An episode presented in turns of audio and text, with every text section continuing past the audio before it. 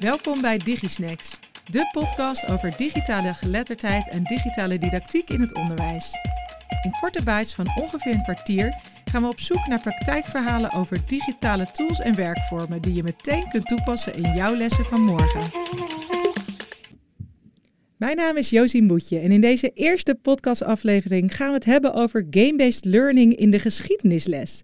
Ik heb er echt super veel zin in. Mijn gasten die staan hier aan de tafel.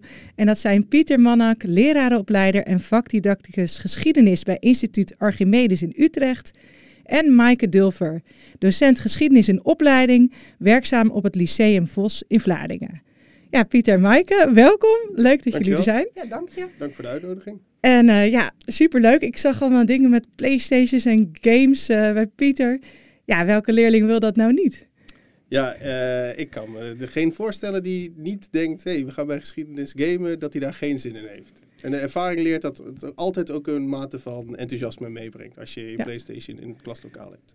Want uh, ja, op zich leuk spelletjes, maar ja, wanneer zou je dat nou inzetten? Wat leer je daar nou van? Ja, dat is een goede vraag. Dat moet ik vaker verdedigen uh, ook. Van, hè, is het niet alleen maar een entertainmentmiddel? Uh, ik zeg nee. Um, want met de spellen die op dit moment uitgegeven worden, hebben heel veel spellen een historische inslag. En wordt in plaats van uh, dat je een thema bespreekt, ga je naar een historische beleving toe. En dat is denk ik de kracht ook van een, uh, van een game. Dat je, je stapt een wereld in, een digitale wereld. Hey, als docent moet je wel bewust van zijn van in hoeverre is die nou uh, waarheidsgetrouw. Ja. Um, maar je krijgt een beleving in plaats van een, een statische weergave van een uh, bepaalde ontwikkeling of gebeurtenis. Ja, gaaf. En wat zijn nou nu spellen waar je echt enthousiast van wordt in de les? Um, nou, zelf uh, maak ik wel gebruik van de Assassin's Creed spellen. en zeker de laatste drie spellen hebben een Discovery Tour waarbij je eigenlijk niet meer vastzit aan een, aan een verhaallijn of op uh, uh, doelstellingen die je moet behalen in het spel. Maar je kunt vrij wandelen door, door een wereld. En het kan het oude Egypte zijn of uh, het oude Griekenland. En recentelijk ook met, uh, met Valhalla de vikingperiode. Dus dat je in Londen kan rondwandelen in die periode of in andere steden. En daarmee um, ja, bereik je eigenlijk dat het contextualiseren, wat een van de vaardigheden is van historisch redeneren, uh, die context die wordt, die wordt nu visueel gemaakt. Ja. En dan help je leerlingen eigenlijk uh, die wereld ja, beter te begrijpen. Is misschien te kort door de bocht, maar um, ja, die visualisatie van het verleden, dat, dat helpt leerlingen om, om de geschiedenis beter te begrijpen. Ja. Dus je noemt contextualiseren als doel. Zijn er andere leerdoelen die, die zich goed lenen voor die games? Uh, hoe zorg je zeg maar dat er geleerd wordt? Uh, voeg je dan een werkvorm aan toe? Of ja, hoe zeker, ziet dat eruit? Zeker. Uh, je, alleen maar een spel inzetten omdat het leuk is, dat kan wel, maar dan is het rendement niet zo hoog. En leerlingen, onderzoek wijst uit dat leerlingen dan ook sneller af zullen haken als het alleen maar voor de leuk is. Um, dus wanneer je echt inhoudelijke leerdoelen daaraan gaat koppelen, dat leerlingen op zoek moeten in het spel naar, stel je voor je hebt um, een bepaalde uh, kunststroming behandeld. Nou, loop maar eens door het spel en kijk maar eens in welke, uh, ja, in welke kunstvorm een bepaald gebouw ge gebouwd is. Of ja. hey, je, je, weet wat een landbouwstedelijke samenleving is. Wandel nou eens door deze omgeving en noem die elementen eens op die in het spel zitten. Ja. Dus dan heb je het spel nodig om je leerdoelen te behalen. En uh, ja, het is echt aanvullend. Dus het is niet vervangend van een docent of van een methode, maar gewoon eens om iets, iets anders te proberen. Ja, gaaf. Ik zie uh, Maaike knikken, want jij hebt dit soort lessen mogen ervaren bij Pieter, toch? Uh, ik heb Ja. in, al, klopt, in het college hebben we het uh, ervaren. We, zijn, we hebben een bingo gespeeld. bingo, hoe werkt dat dan precies, die bingo? We kregen een, een bingo kaart met, dat ging over Assassin's Creed Valhalla. En daar moesten we een aantal onderdelen die daar, ja, die je kunt zien, uh, ja, die moest je zelf uh, op zien te sporen. Ja. ja. En dat maakt het ook nog een beetje een spelletjeselement. Dus dan is het helemaal toch wel erg leuk. Ja, en dan doen. als je bingo had, dan, uh, ja. dan had je gewonnen. Had je gewonnen. ja. Gaaf. En ja, hield je zelf, ben je een gamer? Of, ik ben absoluut geen gamer. Nee. Um, um, um, ik heb ook geen game ervaring. Ik heb geen Playstation, als ik heel eerlijk moet Ja. bekennen. Ik heb ook nog niet games op die manier ingezet. Maar ik heb wel leerlingen als uitwerkingsvorm. Dus dan mochten ze kiezen bijvoorbeeld voor een tekening. Dan Ja? mochten bijvoorbeeld ook een Minecraft, mochten ze in Minecraft iets bouwen. Ah, dus over de uitwerking Dus voor een de opdracht uitwerking als van optie. een opdracht Ja. was voor mij dan, dan konden ze kiezen Ehm, en er was dan een game, was een uitwerkingsopdracht. Ja. Ja, want daar was ik wel even benieuwd naar. Want er zijn natuurlijk ook mensen, leerlingen die helemaal niet gamen. Nee. Eh, ja, wat is jullie ervaring? Van, werkt dat dan ook voor... Hoe ga je met die doelgroep om?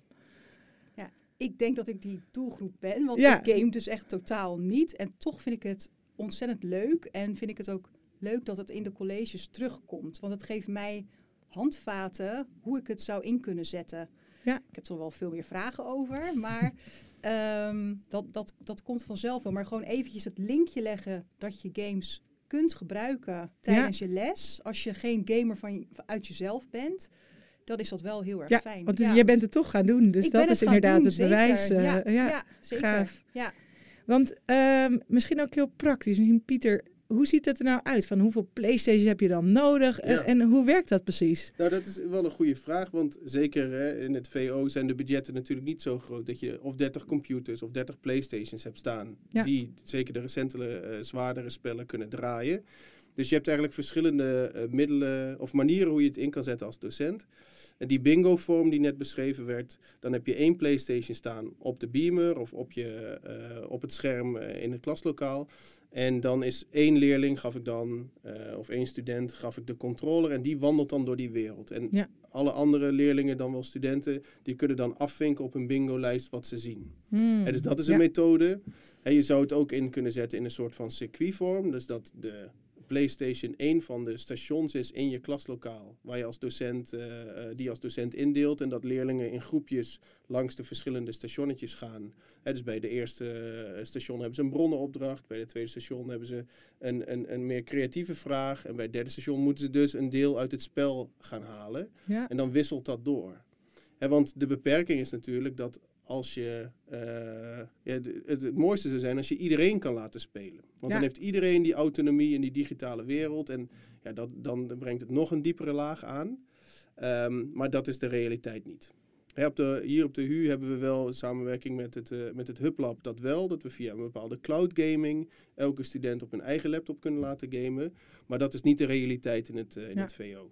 Helaas. Maar je noemt eh, autonomie. Kan je iets toelichten daarover? Wat maakt autonomie, denk je, zo belangrijk voor... Ja, Ja, het is misschien een, eh, een, een, een open deur, maar een van de ehm, ja, eh, voorwaarden zeg maar, voor, voor motivatie eh, hè, bij Daisy en Ryan is, is autonomie.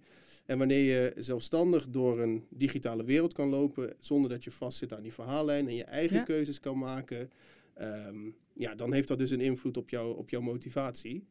Ehm, dus dat zou ik, ja, dat idealiter loopt iedereen zelf door die wereld. En als je eh, geen ervaring hebt met een PlayStation of geen PlayStation hebt, al die werelden zijn ook door YouTube-spelers in kaart gebracht. Dus je zou Hmm. ook Ja, eh, een filmpje aan kunnen zetten over eh, Londen in de tijd van de Vikingen.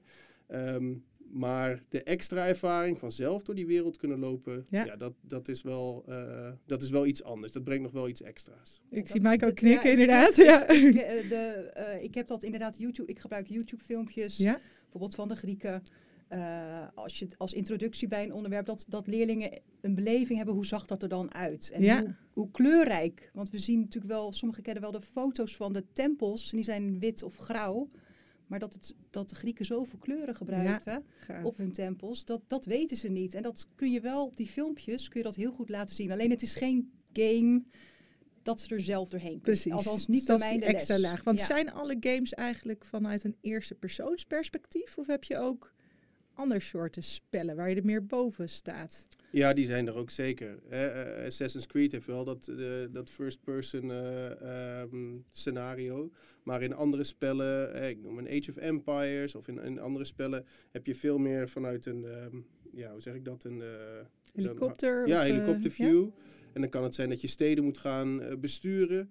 Dat je eh na moet gaan over, oké, als ik nu mijn belastingen verhoog, welk effect heeft dat dan op de gemoedstoestand van mijn bevolking? Dus dan maak je weer Ja. andere keuzes en word je op een andere manier gedwongen om, om, om na te denken over jouw bevolking, tussen aanhalingstekens. Klinkt ook wat abstracter misschien Ja, dan, hè? Misschien ja. wat complexer. En dat heeft dus heel erg te maken met de doelstelling die je hebt. Want hè, wil je een bepaalde inleving in een tijd, dan is zo'n first-person eh, eh, spel eh, veel meer geschikt dan wanneer je eh, wilt na- laten nadenken over oké, waar hadden bestuurders van een rijk nou mee te maken. En eh, denk eens na over grensverdediging. Eh, hoe ga je daarmee om? En ehm, nou, een voorbeeld over die belastingheffing of handel die je moet gaan organiseren. Ja, dan krijg je in die helikopterview spellen een veel beter beeld van. Mooi. Ja, ik hoor echt heel duidelijk, echt een duidelijk doel. En dan pas kies je eigenlijk een Ja. spel, hè? Ja, Eh, ja, het start echt met, met de doelstelling die je hebt. Überhaupt bij, eh, bij onderwijs, denk ik, eh, start het met een doelstelling. En daarna ga je nadenken over welke werkvorm past daar dan bij. Maar voor spellen geldt dat ook, ja. Zijn er nog andere spellen waar jullie heel benieuwd naar zijn? Of dat je denkt, oh, was dat er maar? Nou, er komt dus weer in die Assassin's Creed reeks komt er nu een, een periode dat we naar, naar Baghdad gaan, volgens mij. Ja, ik ben wel weer benieuwd om dat, om dat in te gaan zetten, want het, dat ligt nog weer een stukje verder af van de belevingswereld van studenten en leerlingen. Dus als we daar weer een mooie visualisatie van hebben, ja, dan ben ik wel weer heel benieuwd naar hoe dat dan gaat zijn. Ja, ja Dus, eh, precies. ja. En ik had ook nog wel een vraag over ja, games of gamification. Dat wordt vaak een beetje door elkaar gaat dat in mijn hoofd. Misschien Maaike, ja, misschien gebruik je, gebruik je normaal ook spelletjes in je les. En wat maakt dit nou anders?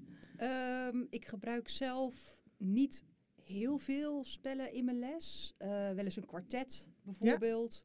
Ehm, maar dan, als ik een, een, een spel gebruik, dan is het eerder, zou ik eerder naar een game grijpen dan naar iets wat heel eh, fysiek is. Maar dat heeft Ja. meer met mijn eigen voorkeur te maken. Precies. En ik, ja, wat zou er dan een voordeel zijn van een bestaande game versus ja, zelf iets verzinnen, zeg maar? Ik ben sowieso van eh, beter goed gejat dan slecht bedacht. Eh, dus voor mij, ik zou het sowieso zou ik iets bestaans. eh, ook voor Ja. de veiligheid, eh, ik zou zelf iets bestaans eh, kiezen. Ja. Jij, Pieter, hoe sta jij daarin? Ja, ik ben wel echt ja, opgegroeid als, als, eh, met mijn computer en naar LAN-parties en met 400 man in de sportzaal eh, eh, echt 48 uur zitten te gamen. Dus het, was, het zat in mijn belevingswereld. Ja. En toen ik aan het studeren was, dacht ik van het is voor mij een, een bron van inspiratie geweest om dingen te leren van geschiedenis. En ehm, ja, ik denk dat bij best wel wat leerlingen deze games ook in de belevingswereld zitten. Of in ieder geval Gamen, dat, dat zit bij veel leerlingen. eh, dat, dat doen ze dagelijks of dat doen ze vaak. En ja, het doel als, eh, van ons als docenten is om aan te haken bij je doelgroep. Dus als je die ingang kan vinden door iets wat zij doen of wat ze leuk vinden, eh, daar je lesstof aan te kunnen koppelen, dan hebben we een win-win situatie. Want zij kunnen laten zien wat ze al kunnen of wat ze leuk vinden in het spel. En als docent gebruik je dat haakje eigenlijk om je nieuwe kennis op te stapelen. En ehm, ja, vandaar ook dat ik ja, eigenlijk louter positieve ervaringen heb. Ook met, met leerlingen die nog nooit gegamed hadden. Ja, als je opeens dan eh, eh, in dat Teutoburger woud staat in het spel Rome Total War. Ja, dan, moet je opeens, dan ga je opeens eh, begrijpen welke keuzes er gemaakt moesten worden. Oké, je wordt aangevallen. En dan? Wat gebeurt Ja. er dan? En waarom, waarom kon je niet die kant op? Ja, daar was een moeras. Ik noem maar iets. En dat is een sensatie die je niet vanuit textuele of plaatjesbronnen kan brengen. Want dan hoef je de keuze zelf niet te maken. En in het spel moet dat wel. Ja, gaaf. Ja, ik ben, eh, ja, ik geef geen geschiedenis, ik ben van de talen, maar ik zou helemaal overtuigd zijn. Wat nou als onze luisteraars nu jullie horen denken, ja, gaaf, ik wil dat ook gaan doen. Wat, wat is jullie tip eigenlijk? eh? Ehm, ja, ik heb eh, uit de college vakdidactiek vanuit eh, Pieter, daar heb ik eigenlijk de inspiratie op gedaan. Maar op internet, als je daarop zoekt, kun je ook ontzettend veel vinden. Want er zijn heel veel docenten die daarmee bezig zijn, die ook eh, eh, eigen games ontwikkelen. Dus als je eh, eigenlijk zoekt erop, specifiek geschiedenis of aardrijkskunde, ik denk dat je dan best wel al ver komt. Ja. Ehm, en soms zijn hele praktische bezwaren om het niet te gebruiken. Nou, bijvoorbeeld geen PlayStation, die heb ik ook niet. En soms kun je dan wel, wel weer inspiratie opdoen hoe je daar weer mee, mee om kan gaan. Ja, mooi. Jij Pieter, nog een mooie tip voor onze luisteraars? Ja, ehm, het, het is eh, heel makkelijk gezegd, maar ga het gewoon proberen. In het slechtste geval lukt het niet. En dan heb je wel weer eh, input voor jezelf hoe je het de volgende keer wel zou kunnen doen. Ehm, en, en ook ja, als je iets met games wil, eh, inzet van een YouTube-filmpje is niet gek. Want er, kijken per dag miljoenen mensen eh, naar de streamingskanalen die er zijn, via Twitch of via andere dingen. Dus eh, kijken naar een spel blijkt ook ontzettend ja, motiverend of activerend te zijn. Dus dat zou al een eerste stap kunnen zijn als je daar iets mee wil. En ja, misschien kun je vanaf dat punt verder gaan bouwen naar... oké, dan durf ik wel een keer om mijn PlayStation mee te nemen. Of eh, hier, in, hier op de hogeschool had een student een keer Uh, ik had nog geen PlayStation 5 en die zei, nou dan neem ik hem wel mee, want dan draait het allemaal wat sneller. Nou ja, Kijk. prima. Ja. Dat kan natuurlijk niet in het VO, maar eh, dat, dat geeft wel aan dat eh, er liggen misschien ook mogelijkheden als je erover in gesprek gaat met leerlingen. Ja. En dan is het wel een barrière die je over moet, dat begrijp ik heel goed. Dat was het voor mij ook. Ehm, maar goed, ja, onderwijs is ook nieuwe dingen proberen om te testen. Ja, lukt het misschien op een andere manier ook. Dus probeer het. Nou, leuk. Ja, heel erg bedankt, Maaike en Pieter. Ik vond het echt super, super interessant wat jullie allemaal vertelden en hebben gedeeld. Echt vanuit de praktijk. Veel praktische tips ook gehoord van wat als je geen PlayStation hebt of helemaal niet van gamen houdt. Dus volgens mij heeft niemand meer een reden om het niet uh, te proberen. En dan gaan we afsluiten met uh, een cliffhanger voor de volgende aflevering. Dus wat is jullie prangende vraag op het gebied van digitale geletterdheid of digitale didactiek? Ja, de digitale didactiek variant, daar denk ik dat ik enigszins bekwaam in ben. Um, maar ik zou wel benieuwd zijn wat onze, uh, de volgende gast kan vertellen over hoe die werkt aan de digitale geletterdheid van zijn, zijn of haar leerlingen. En hoe werk je daar op een systematische manier aan? Nou, mooi. Die nemen we mee naar de volgende aflevering. Voor nu allemaal hartelijk dank voor het luisteren en tot de volgende Digi-snack. Dankjewel voor het luisteren naar DigiSnacks. Hopelijk hebben we jouw digihonger een beetje kunnen stillen. Toch nog trek? Check dan zeker onze website www.todaysteachingtools.com. Volg ons op LinkedIn en blijf op de hoogte van de nieuwste ontwikkelingen over digitale geletterdheid en digitale didactiek. Tot de volgende DigiSnack!